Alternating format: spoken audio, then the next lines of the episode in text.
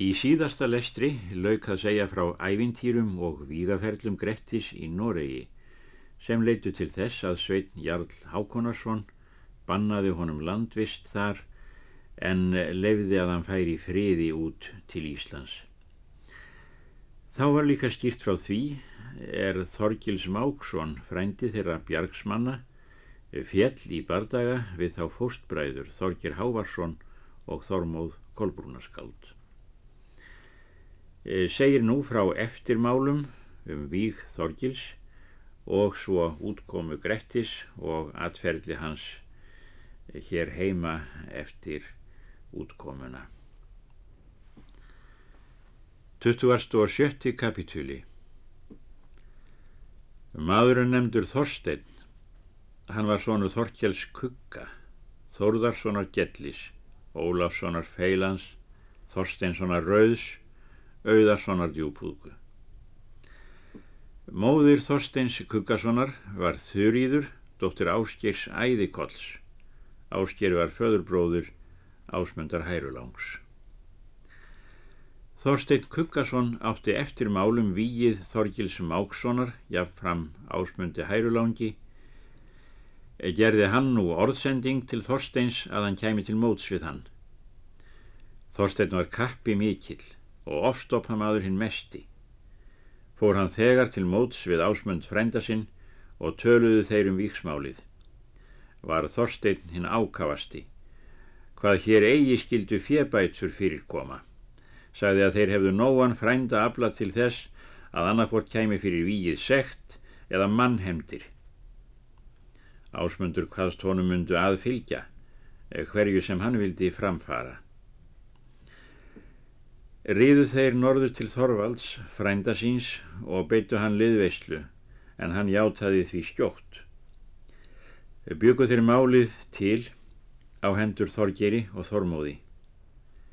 Þorstein reið heim til bús síns, hann bjóð þá í ljárskóum í Hvamsveit. Skeggi bjóð í Hvammi, hann reðst í málið með Þorsteini. Skeggi var sonur Þórarins Fylsennis, Þórðarssonar Gjellis. Móður Skeggja var friðgerður, dóttir Þórðar frá höfða. Þeir fjölmentu mjög til alþingis og heldum málum fram með miklu kappi. Riðu þeir ásmundur og Þorvaldur norðan með sex tíi manna og sátu í ljáskóum margar nætur. Þorgils bjóð þá á Reykjahólum. Hann var sonur Ara Mássonar, Allasonar hins Rauða, Úlssonar hins Gjálka er nam Reykjanes. Móðir Þorgils Arasonar var Þorgerður, dóttir Áls úr Dölum. Önnur dóttir Áls var Þórelfur, móðir Þorgeirs Háasonar. Átti Þorgeir þar tröst mikið fyrir frendsemi sakir því að Þorgils var mestur höfðingi í vestfyrðingafjörðungi.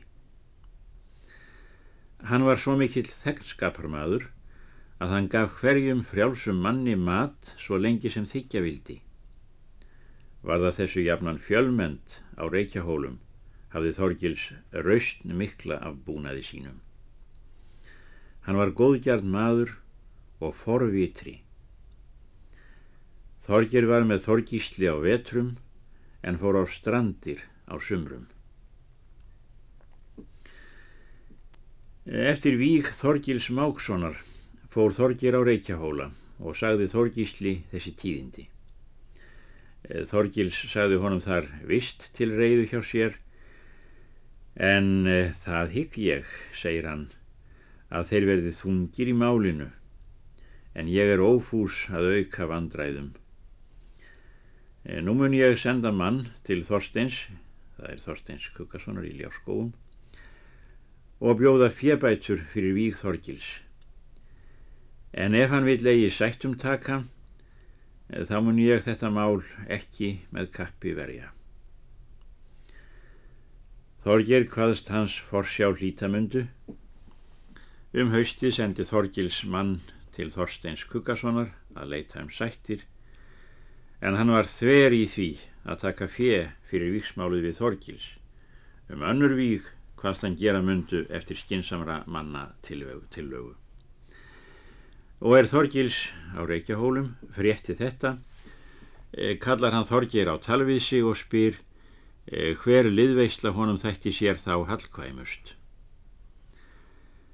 Þorgir hvaðst helst vildu utan fara ef hann ætti þess kosti og yrði hann sekur. Þorgil sagði að þessa myndi freistað verða. Skip stóð uppi í Norðurá í Borgarfyrði. Í því skipi keipti Þorgils á laun far til handa þeim fórstbræðrum. Leið svo af veturinn. Þorgils frétti að þeir Þorstein fjölmentu mjög til alþingis og sátt við ljárskóum. Því frestaði hann heiman að ríða að hann vildi að þeir Þorstein veri undan söður riðnir þá er hann kæmi vestan og svo varð. Reið Þorgils söður og þeir fóstbræður með honum. Í þessari ferð drap Þorgeir Böggul Torfa að máskjeldu. Þá drap hann og þá skúf og bjarna í hundadal. Þorgils sættist þar þegar á vígin skúfs og bjarna þar í dalnum og dvaldist honum lengur en hann hafði áður ætlað. Fór Þorgeir til skips en Þorgils til þings og kom eigi fyrir en gengið var til dóma.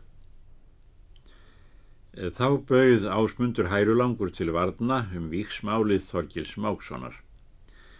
En eh, Þorstein Kuggason stóð hjá dóminum með alla sveit sína alvopnaða.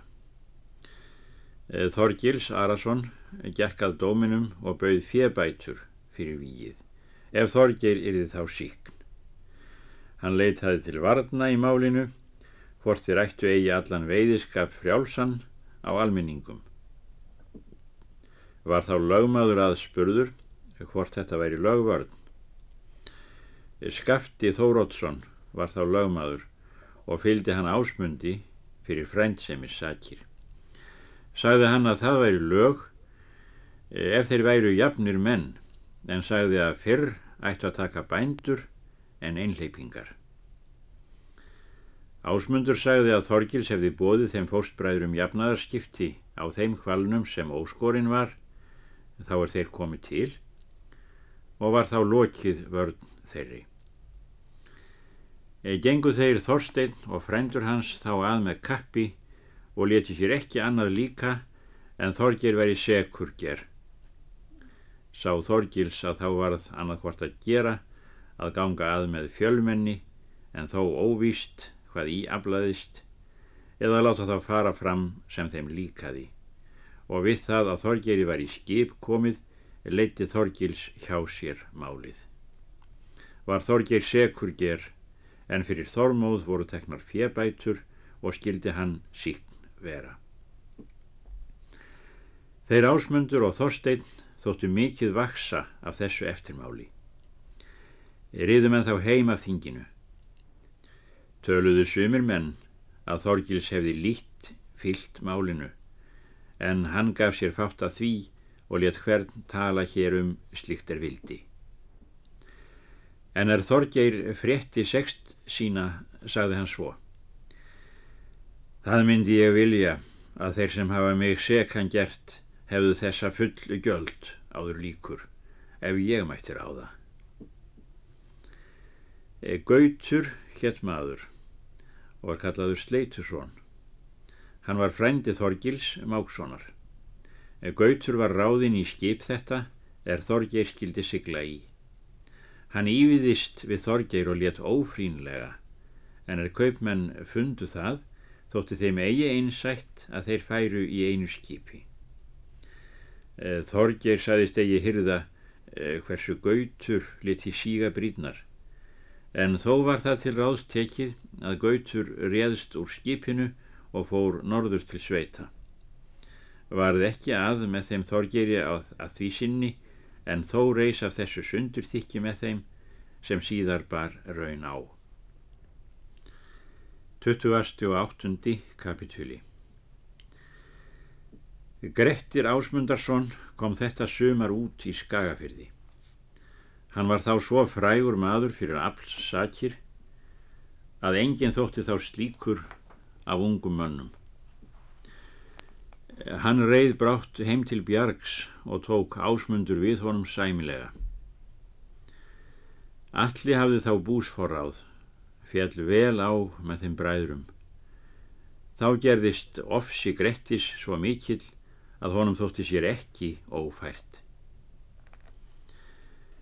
Eh, þá gerðust þeir margir full hraustir menn, er þá voru ungir er Grettir var að leikum á miðfjörðarvatni með þeim áður en hann fór utan. Einn af þeim var auðun, er þá bjó á auðunarstöðum í Víðidal.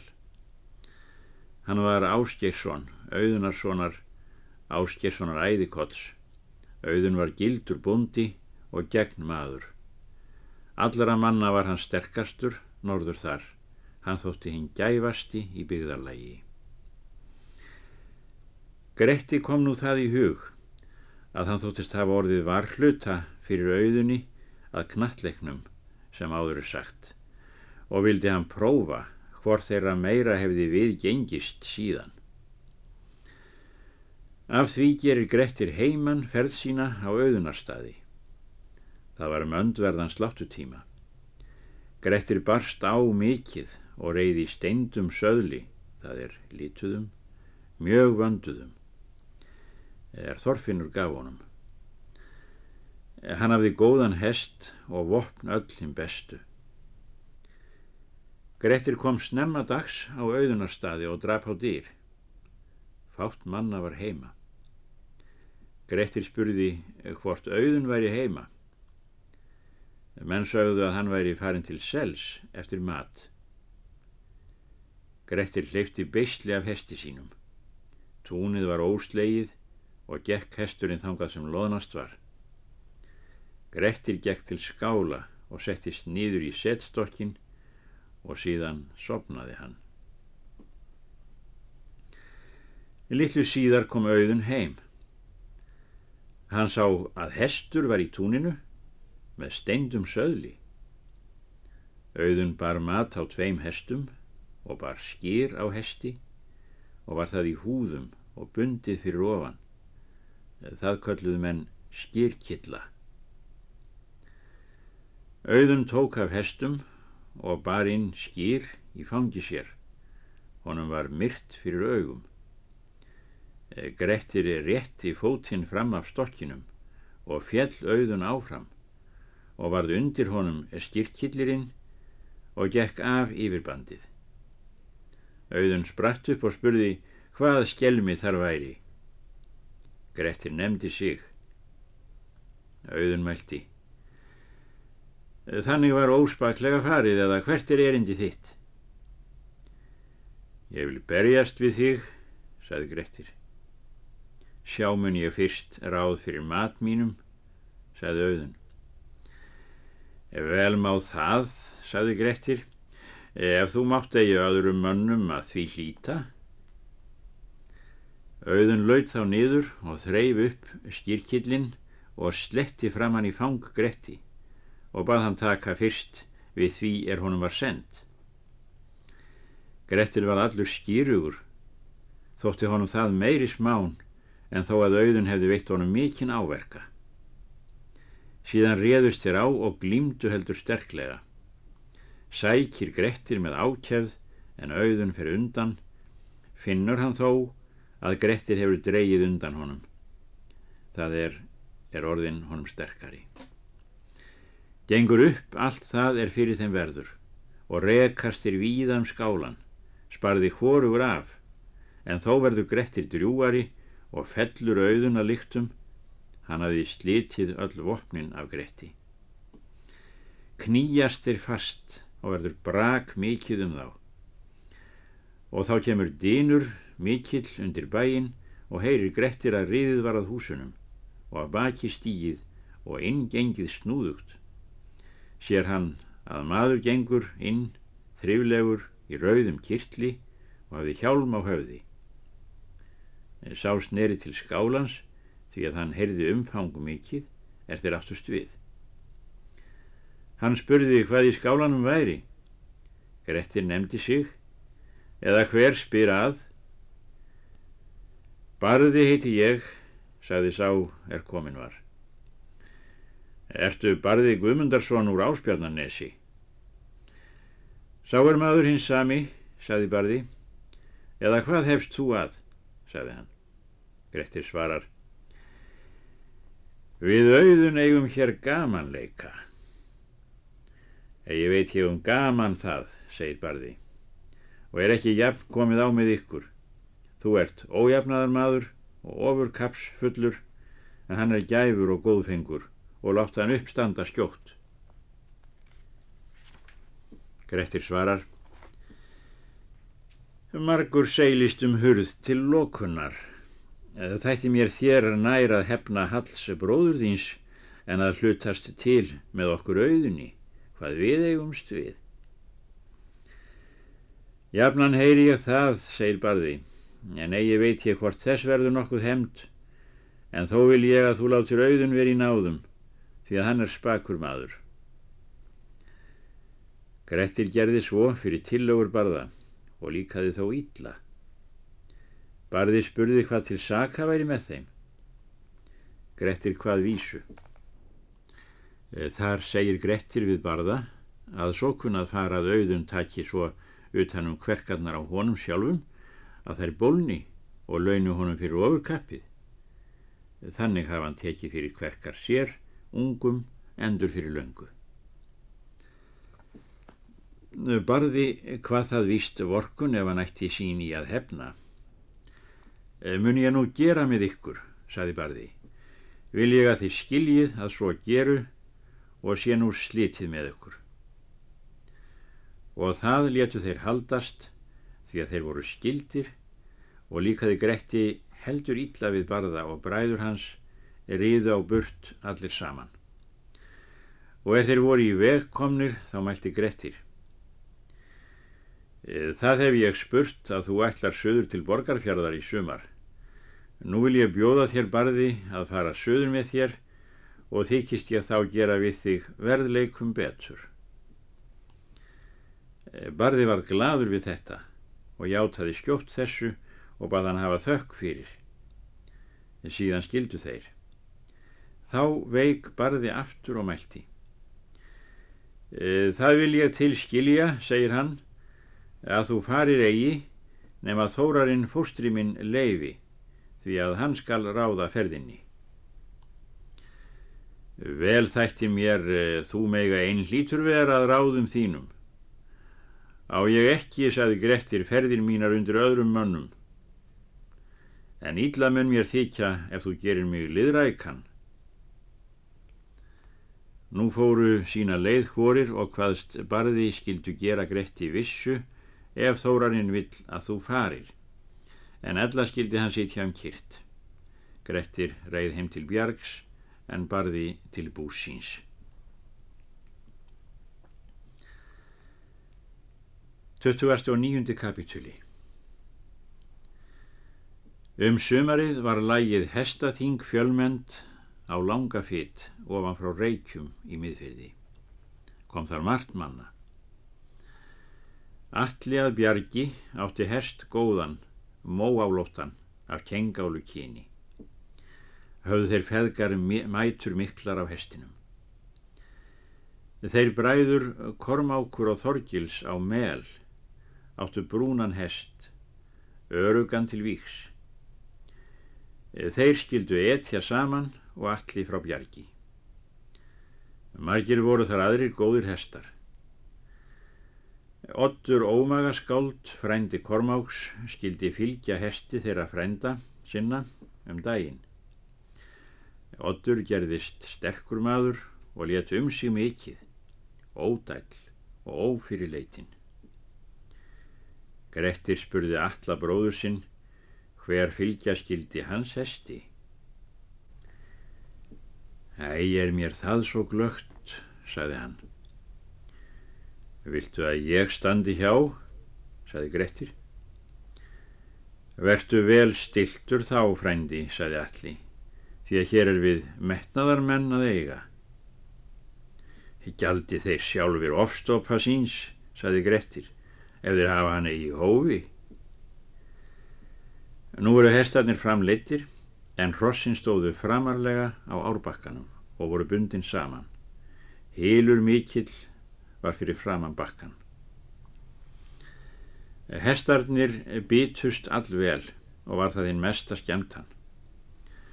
Oddur fylgdi með kappi en Grettir létt hefjast við, það er undan síga, og tók í taglið annari hendi en hjælt með annari stafnum er hann kerði með hestin. Oddur stóð framarlega hjá sínum hesti og var eigi traust það er ekki laust við, að hann stingi eigi hest alla af takinu. Egi létt Grettir sem hann sægi það. Bárust hestarnir fram að ánni. Þá stingur Ottur stafnum til Grettis og kom á herðarbladið því að Grettir horfi aukslinni að honum. Það var mikið tilræði svo að undan hljóp holdið en lít skeindist Grettir. Í því byli rísu hestarnir hátt upp. Grettir hljópundir hömina, það er læri eða lend, á hesti sínum og rak stafin á síðu otti svo hart að þrjú rifin brotnuði í honum, en ottur hraut út á hílinn og svo hestur hans og hrossin öll þau er bundin voru. Var þá lagst til hans og dregin af ánni. Þá var óp mikið gert að þessu. Þeir kormákur hljópu til vopna en bjargsmenn í öðrum stað. En er það sáu hrútfyrðingar og vatsnesmenn gengu þeir í milli og urðu þeir þá skildir og fóru heim og höfðu hórir íll heit við aðra og sátu þó kýrt um hríð.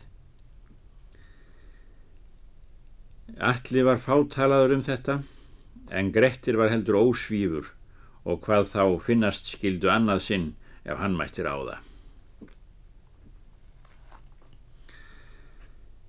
Þrítúasti kapitúli Þorbjörn hétt maður er bjó á Þóróts stöðum í Rútafyrði. Hann var svonur Arnórs Hínefs Þórótssonar er numið hefði Rútafjörð þeim megin til móts við bakka. Þorbjörn var allra manna sterkastur. Hann var kallaður auksnamegin. Það er nöytsterkur. Þóróttur hétt bróður hans.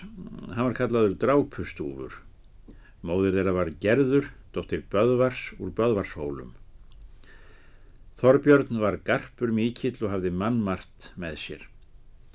Hann var til þess tekin að honum væri verra til hjóna en öðrum mönnum og galt nær engum manni kaup eigi þótt hann dæll maður Þorbjörn hétt frændi hans og var kallaður ferðalangur hann var síklingamaður og áttu þeir nafnar félag saman var hann á þórótsstöðum jafnan og þótti hann lítið bæta um fyrir Þorbjörni auksnamegin hann var tilfindin og fór með dáruskap það er spott, til ímissa manna.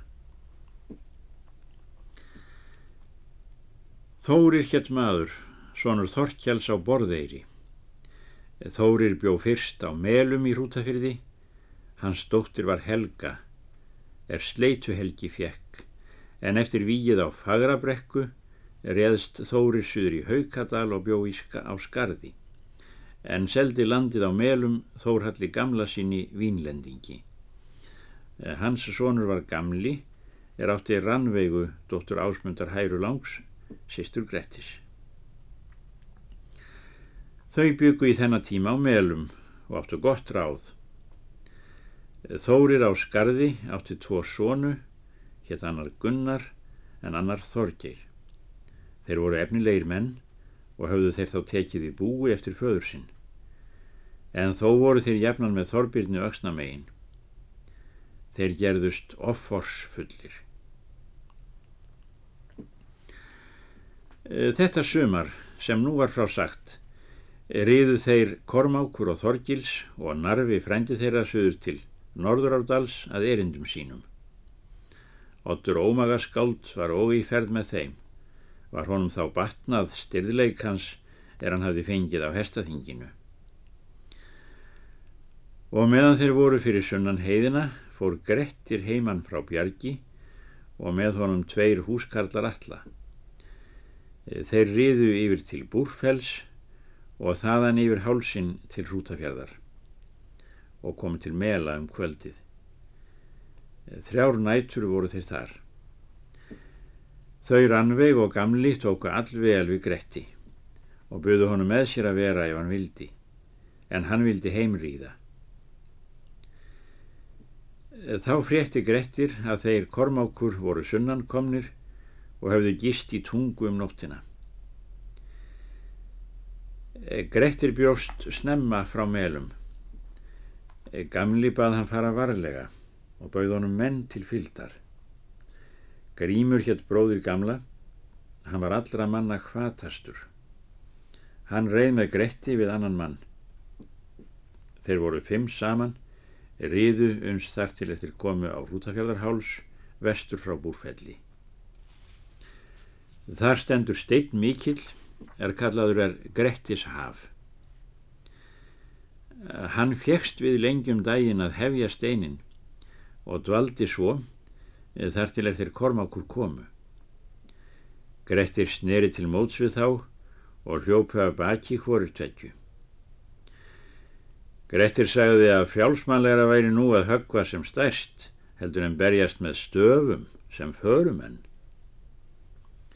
Kormákur bað þá verða við mannlega og duga sem best.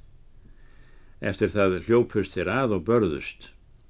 Grettir var fremstur af sínum mönnum og bað þá geima að eigi veri gengið að baki honum. Sóttust þeir um hríð og eruðu hórir tveggju sárir. Þorbjörn Öksnamegin hafði ríðið þennan dag yfir háls til búrfells og er þeir ríðu aftur, sér hann fundin. Eh, þar var þá með honum Þorbjörn Ferðalangur og Gunnar og Þorgeir Þóri sínir og Þóróttur Drápustúfur. Og er þeir komið að heitir Þorbjörn á sína menn til meðalgöngu. Hinnir voru svo ákafir að þeir gáttu ekki að gert. Grettir ruttist um fast. Þeir voru fyrir honum þóri sínir og fjallu báðir senn er hann hratt þeim frá sér. Þeir eruðu óðir mjög við það svo að Gunnar hjó húskarl alla banahögg. Og er Þorbjörn sá það, byður hann þá skilja. Hvaðst hann skildu þeim lið veita er hans orð vildi rækja. Þá voru fallinir tveir húskallar Kormáks. Þá sá Grettir að varðla myndi duga ef Þorbjörn réðist í lið með þeim og því lætur hann uppverða gefin bardagan. Allir voru þeir sárir sem á fundinum höfðu verið. Ítla þótti Gretti að þeir voru skildir. Eftir það riðu þeir heim hórir tveggju. Egi sættust menn á mál þessi. Þorbjörn ferðalangur gerða þessu mikið kals því tók að versna með þeim bjargsmönnum og Þorbjörnu auksnamegin svo að það því gerðist fullur fjandskapur er síðar kom fram. Engar bætur voru alla bóðnar fyrir húskarl sinn eigi let hann sem hann vissi það. Grettir satt á bjargi fram til tvímánadar. Egi er sagt að þeir fyndust kormákur síðan svo að þess ég getið.